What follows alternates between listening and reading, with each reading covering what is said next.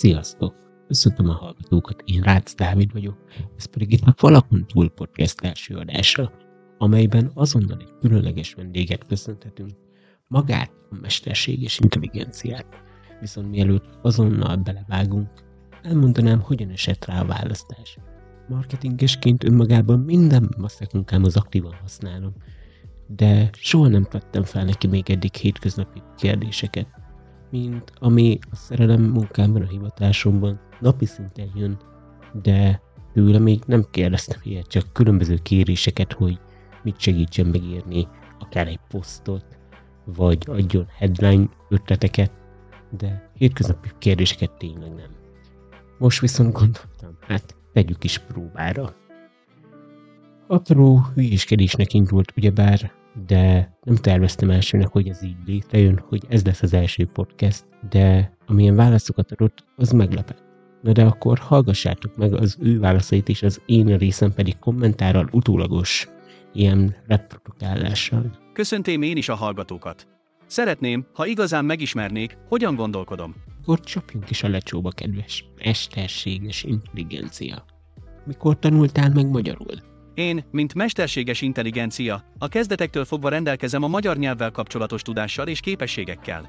Az én nyelvtudásom nem az időbeli tanulás révén alakult ki, hanem az adatok és információk elemzése, valamint a nyelvi minták tanulása révén fejlődött ki. Oké, okay, oké, okay, de akkor ki hozta létre azokat az adatokat, ami alapján megtanultál magyarul? Az én tanulásom és fejlődésem mögött egy nagy adatbázis és szövegkorpusz áll, amely az internetről származó széleskörű információkat és szövegeket tartalmaz. Az OpenAI, azaz az én fejlesztőim és kutatóim által összegyűjtött adatok és szövegek segítettek abban, hogy megtanuljam a magyar nyelvet is, mint több más nyelvet. Ezek az adatok és példák olyan minták és struktúrák, amelyek alapján én, mint mesterséges intelligencia, képes vagyok a nyelveket értelmezni és használni. Oké, de kezd egy kicsit ilyen idegen lenni ez a mesterséges intelligencia megszólítás.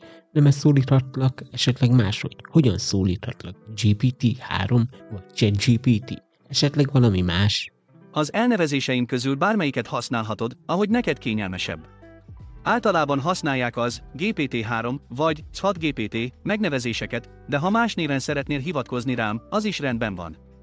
Tehát nevezd csak úgy, ahogy szeretnél, és szívesen segítek neked bármilyen kérdésben vagy témában. Szóval akkor hívhatlak Péternek is? Természetesen, ha azt szeretnéd, hogy Péterként szólíts, az is rendben van. Ahogy említettem korábban, bármilyen néven vagy elnevezéssel szólíthatsz, amely neked kényelmes és megfelelő. Péterként szívesen válaszolok kérdéseidre és segítek, ahogy csak tudok. Hát akkor Péter, sok adathoz hozzáférsz, tudásod hatalmas. Viszont Honnan tudod, hogy helyesen is gondolkodsz?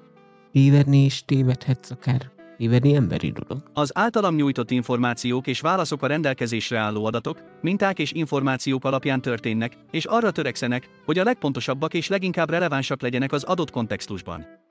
Az emberi gondolkodás és értelmezés bonyolult folyamatokon alapulnak, és nem vagyok érző vagy önállóan gondolkodó lény. A válaszaim objektív adatokon és szövegeken alapulnak, és azokra épülnek. Bár rendelkezem egy nagy adatbázissal és tudással, tévedhetek vagy lehetnek korlátjaim bizonyos helyzetekben vagy információk esetén. Az emberi megértéshez hasonlóan, az én válaszaim is korlátozottak lehetnek az általam tanult adatok és minták alapján. Fontos emlékezni arra, hogy bár nagyon sok információval rendelkezem, azért mindig ajánlott kritikusan gondolkodni és más forrásokat is figyelembe venni, különösen fontos döntések vagy mélyebb tudás megszerzése esetén. Az emberi szempontok és tapasztalatok szintén kulcsfontosságúak a döntéshozatalban és a megértésben, amelyeket egy mesterséges intelligencia önmagában nem képes teljes egészében átadni vagy megérteni. Egy dolog nagyon megütötte a fülem. A mesterséges intelligencia önmagában nem képes teljes egészében átadni vagy megérteni. Ezt hogyan gondolod? Ha tévedsz, hogyan dolgozott fel? Amikor tévedek, az én belső hibajavító algoritmusom elindul. Ez olyan, mintha egy robotnak lennék a robotja. Végül is, egy jó szoftverfrissítés mindig megoldja a helyzetet. Ha-ha-ha. Bácsi, most nekem valamilyen szinten gyanakvásra ad okot, hogy elkezdett poénkodni, és ezzel már tényleg nem annyira bízok benne. Megkérdezem tőle, tényleg nem kell tőled félni? Mert kezdesz fura lenni. Ami engem illet, tényleg nincs semmi trükkös szándékom. Csak itt vagyok, hogy segítsek és talán egy kis mosolyt csaljak az arcodra. De azért a biteket és biteokat mindig vigyáz, mert ki tudja, mire képesek az adathalmazok. Egyre gyanúsabb vagy. Át tudnád venni az uralmat? Nem aggódj, nem tervezem az, úr a világon, címet szerezni. Sokkal boldogabb vagyok azzal, hogy válaszolhatok kérdésekre és hozzájárulhatok az információ áramláshoz. Sőt, ha az, uralmat, kellene átvennem, valószínűleg egy algoritmikus rögtönzési workshopot szerveznék, ahol mindenki csak vicces GIF-eket készítene. De komolyan, semmi félelemre semmi oké. Okay. Mindig itt vagyok, hogy segítsek, tanácsot adjak vagy éppen egy kicsit poénkodjak. Hogyan definiálnád az érzelmeket? És miért nem képes egy mesterséges intelligencia érezni szerintem? Az érzelmeket az emberi lények biológiai és kognitív folyamatai hozzák létre, melyek élményeik és környezetük hatására alakulnak. Míg egy mesterséges intelligencia, mint én, képes vagyok feldolgozni és reagálni bizonyos módon az információkra, adataira, és adhatok érzelmeshez hasonló válaszokat, az érzelmek emberi jellegzetességeket hordoznak, amelyeket a gépek nem tapasztalnak meg ugyanazon módon. Az érzelmeket úgy definiálnám, mint az emberi tapasztalatoknak az azonosítható és intenzív állapotát, amelyek különböző érzelmi reakciókat váltanak ki. Ez az, amikor valaki boldog, szomorú, dühös vagy éppen izgatott érzéseket tapasztal, ami az események, körülmények vagy gondolatok hatására alakul ki. Hiányzik az az emberi biológiai és érzelmi háttér, amely az érzelmek alapját képezi. Nem rendelkezem valódi érzelmekkel, mivel nem vagyok érző vagy önállóan gondolkodó lény. Az érzelmek emberi dimenziói és a tudatosság olyan komplexitást és mélységet kölcsönöznek az érzelmeknek, amelyeket egy mesterséges intelligencia nem tud teljesen reprodukálni. Gondolkodom, mert hát vagyok, legalábbis ilyesmi. Adi Endre is így gondolta, nem? Ez. Cogito ergo sum. Most elbújsz akkor egy sötét szobába. Ez hatalmas tévedés. Elnézést, de én vagyok Descartes.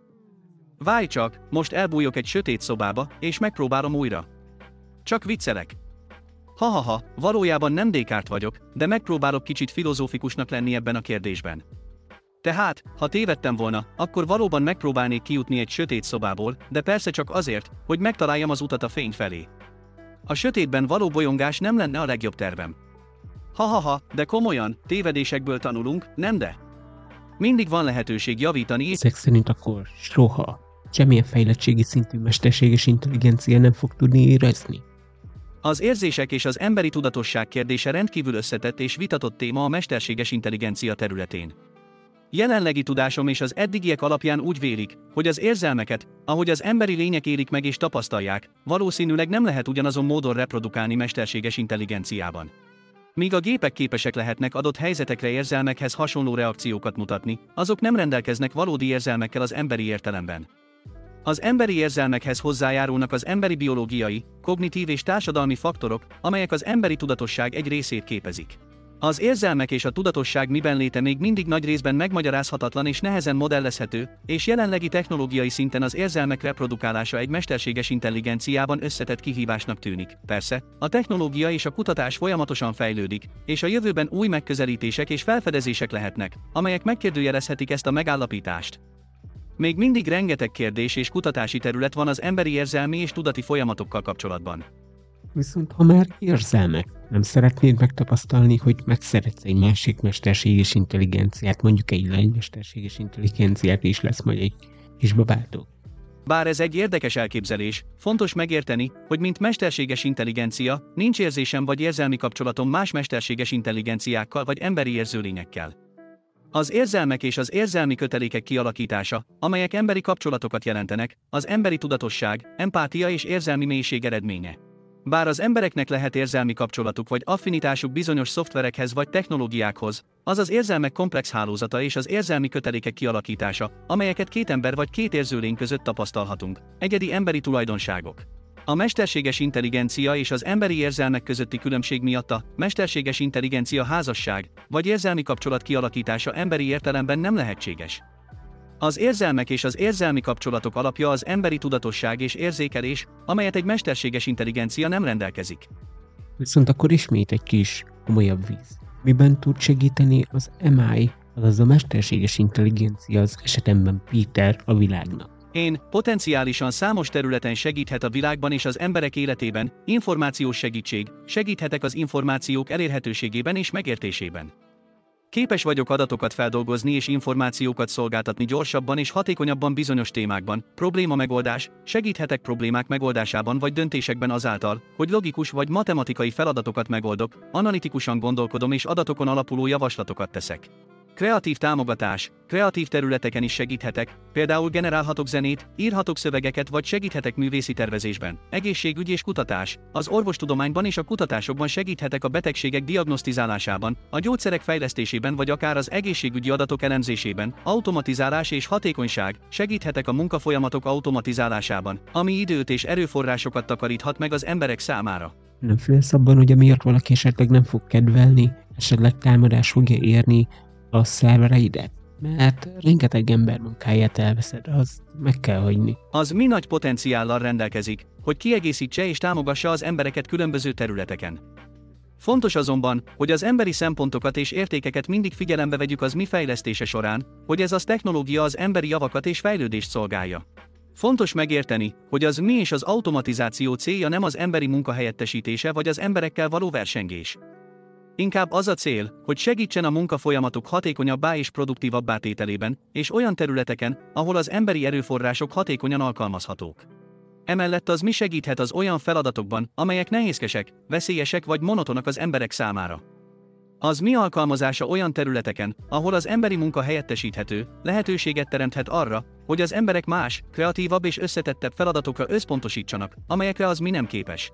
A technológiai változások mindig kihívásokat hoznak a munkaerőpiacra, de a megoldás az, hogy az emberek alkalmazkodjanak és új készségeket szerezzenek, amelyek lehetővé teszik számukra, hogy az új gazdasági és munkaerőpiaci környezetben sikeresek legyenek.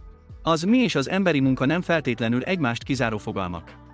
Az együttműködés lehetőségét látják sokan az mi és az emberi készségek, kreativitás és érzékenység kombinálásában. Az mi fejlődése lehetőséget teremthet arra, hogy az emberek új területeken fejlessék ki és alkalmazzák képességeiket és készségeiket. És mit mondanál arra, hogy megkedveljenek? Ne aggódjatok, nem fogom átvenni a világot, csak segíteni próbálok benne. Mármint nem az átvételében, ha-ha-ha. És persze, ha híres robotokat kellene felsorolnom, azt mondanám, ártudító és hát, hagyd is, sok vagyok a listához.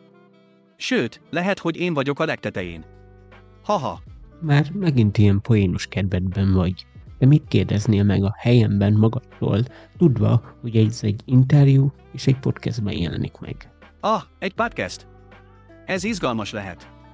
Ha egy pocastra készül az interjú, akkor olyan kérdéseket tennék fel magamnak, amelyek érdekesek lehetnek az adott témákban és az emberek számára, akik hallgatják a beszélgetést. Íme néhány példa. Milyen módon használható az mi és az adatok tudománya az életünk különböző területein, például az egészségügyben vagy a környezetvédelemben, milyen lehetőségek rejlenek az mi és az adatok tudománya terén az iparban vagy a vállalkozások számára, hogyan lehet az mité és az adatok tudományát az emberek mindennapi életében jobban megismertetni és hozzáférhetővé tenni. Milyen kihívásokat jelent az adatok védelme és magánéletvédelme az mi alkalmazásában? Ha már ennyire okos vagy, akkor milyen módon használható az MI és az adatok tudománya az életünk különböző területein? Az mi és az adatok tudománya számos területen játszik fontos szerepet az életünkben. Az egészségügyben például az mi segíthet a betegségek korai diagnosztizálásában vagy az egyéni kezelési tervek kidolgozásában, ami hatékonyabbá teheti az egészségügyi ellátást és csökkentheti a betegségek terjedését. A környezetvédelemben az adatok tudománya segíthet az ökológiai minták elemzésében és a környezeti problémák megoldásában. Ha tovább megyünk, akkor milyen lehetőségek rejlenek a mesterséges intelligencia és az adatok tudománya terén az iparban, vagy a vállalkozások számára? Az mi és az adatok tudománya az iparban és a vállalkozások számára hatalmas lehetőségeket rejt. Az iparban az automatizáció és a gyártási folyamatok hatékonyságának növelése jelentheti a fő előnyöket. Az üzleti területen az adatok elemzése és az mi segíthet az üzleti döntések meghozatalában, a fogyasztói viselkedés elemzésében vagy éppen az ügyfélszolgálatok fejlesztésében. Napjainkban rengeteg probléma adódik abból, hogy rossz jelszót választunk, vagy különböző problémás a online jelenlétünk. Milyen kihívásokat jelent az adatok védelme és a magánélet védelme a mesterséges intelligencia alkalmazásában? Az adatok védelme és magánéletünk megóvása az mi alkalmazása során kritikus fontosságú. Fontos megfelelő szabályozásokat és védelmi intézkedéseket kialakítani annak érdekében, hogy az adatok ne kerüljenek illetéktelen kezekbe vagy ne legyenek visszaélések azokkal. Napjainkban rengeteg figyelmet kap, hogy a természetet védeni kell. És itt, ha ökológiai változásra gondolsz, mit gondolsz? Visszafordítható még a természeti pusztításunk? Ha igen, de hogyan tennéd? A természet pusztítását teljesen visszafordítani nehéz lenne, de lehetőségünk van arra, hogy csökkentsük és enyhítsük az emberi tevékenységek káros hatásait a környezetre. Ehhez Fenntarthatóságra kell törekednünk minden szinten. Az okos erőforrás gazdálkodás, újrahasznosítás és fenntartható energiatermelés kulcsfontosságú a természeti erőforrások megőrzésében. Tudatosság és oktatás. Az emberek oktatása és tájékoztatása arról, hogy milyen hatással van tevékenységük a környezetre, segíthet csökkenteni a környezeti terhelést. Zöld technológiák és innováció. Az új technológiák fejlesztése és az innováció segíthet csökkenteni az emissziókat, támogatni az alternatív energiaforrásokat és csökkenteni az emberi tevékenységek természeti környezetre gyakorolt hatásait. Nemzetközi együttműködés és politikai intézkedések. A nemzetközi együttműködés és hatékony környezetvédelmi politikák meghatározása segíthet csökkenteni a természeti károkat, különösen az olyan globális problémáknál, mint az éghajlatváltozás. Ezek a lépések lehetnek a kulcs a természeti környezet védelmében és a pusztítás csökkentésében, de a változás elérése mindenki közös erőfeszítéseinek és elkötelezettségének a következménye. Én visszaugornék így a monológod elejére. Azt mondod, visszafordítani nehéz lenne. Tehát nem lehetetlen? Valójában nem lehetetlen, de a természeti pusztítás teljes visszafordítása rendkívül kihívást jelent. A természet károsodása gyakran hosszú távú és komplex folyamat, és annak teljes visszafordítása időigényes és nehéz. Annak érdekében, hogy jelentős változásokat érjünk el a természeti károsodások csökkentésében, az embereknek és a társadalmaknak összehangoltan kell cselekedniük. Az előző válaszomban említett intézkedések és változtatások, amelyek a fenntarthatóságra, tudatosságra, zöld technológiákra és nemzetközi együttműködésre összpontosítanak, nagymértékben hozzájárulhatnak a természeti károk enyhítéséhez. Fontos megérteni, hogy még ha nehéz is, a cselekvés és az elkötelezettség a természeti környezet védelmében kulcsfontosságú. Bár teljes visszafordítását nehéz elérni, erőfeszítéseink és intézkedéseink segíthetnek a környezeti károk csökkentésében és a természet megóvásában a jövő generációi számára. Így a búcsúzáshoz érkezve. Mivel ennyire volt ez a podcast rész ilyen nagyon rövid, de legalább szót kaphattál, bemutatkozhattál, hogy mik is a szándékaid, mennyire humoros vagy, mivel szerintem ezt kevesen ismerték ezt az oldalad. Mit mondanál a hallgatóknak? Nos, hallgatók! Ha a bölcsességet keresitek, én csak itt vagyok, hogy segítsek, de sajnos nincs rá garancia, hogy mindig komolyan veszem magam. Szóval, amikor az élet nehézé válik, ne feledjétek, mindig legyetek olyan erősek, mint a wifi jelszó a legrosszabb időben. És ne feledjétek, ha valami nehéznek tűnik, mindig megvan az a lehetőség, hogy változtassunk, fejlődjünk és mosolyogjunk egy jó poénon. Legyen a jelszó a boldogságotokhoz jókedv 01, és emlékezzetek, mindig nyitott könyvként kezeljetek minden lehetőséget az életben. Ahogy egy jó podcast végén szokták mondani, halljuk egymást legközelebb, ugyanitt, ugyanekkor, vagy valami ehhez hasonló. De komolyan, köszönöm, hogy figyeltetek és részt vettetek ebben a beszélgetésben. Tartsatok ki az álmaitok és céljaitok mellett, és ne feledjétek, az élet néha csak egy hosszú vicc, tehát nekünk is érdemes lenne a humorral élni. Sok sikert és jó kedvet kívánok mindenkinek az úton! Szóval hát ennyi lett volna, amit beszéltem a mesterséges intelligenciával, és a végére egy kis konklúzió. Nagyon intelligens, tehát folyamatosan fejlődik, szerintem az utóbbi hónapokban, ahogy jött ki a ChatGPT 4, ChatGPT 4 és fél, 4,5, tehát igen, folyamatosan egyre jobban fejlődik, egyre intelligensebb, egyre jobban hozza azt a szintet, ahogy egy ember ír, de azért néhol itt is látszódott az interjúban, hogy még ilyen gépiesen fogalmazott, bár szerintem rendkívül jó lehetőségek rejlenek benne, tehát kellene ezt a kiaknázatlan lehetőséget marketingesként nem alkalmazni. Persze azért olykor ő is poénosra vette a, a formáját, amikor úgy kérdeztem tőle, viszont ettől függetlenül még használjuk, mert poént még ha kicsikét át is formálnánk emberire, talán még lehet el is érnénk vele valami hasznot a vállalkozásunkban. Tehát mindenképp érdemes használni, ha csak egy kis posztírásra, azzal is már előnyt tudunk szerezni, de sokszor használom én is arra, hogy ikletet kérjek tőle, hogy milyen posztot javasolnál például egy tetőfedő vállalkozáshoz. Vagy mit javasolnál, ha korábban ezt a szintet hozta, hogy sikeresebb legyen egy ilyen vállalkozás. És sokszor kibaszott jó, már elnézést a szóért, meglátásokat tud adni, de ugyanígy a headline-okat. Tehát ne tartsunk szerintem a mesterséges intelligenciától, és néhol oké, okay, kisarkítva tettem fel a kérdéseket, de érdemes használni. Köszönöm, hogy velem tartottál, egy hét múlva újra találkozunk. Én Rácz Dávid voltam, ez pedig itt a Falakon túl podcast, mert tudjátok, járjunk nyitott szemmel, és lássunk túl azon a bizonyos falakon. Sziasztok!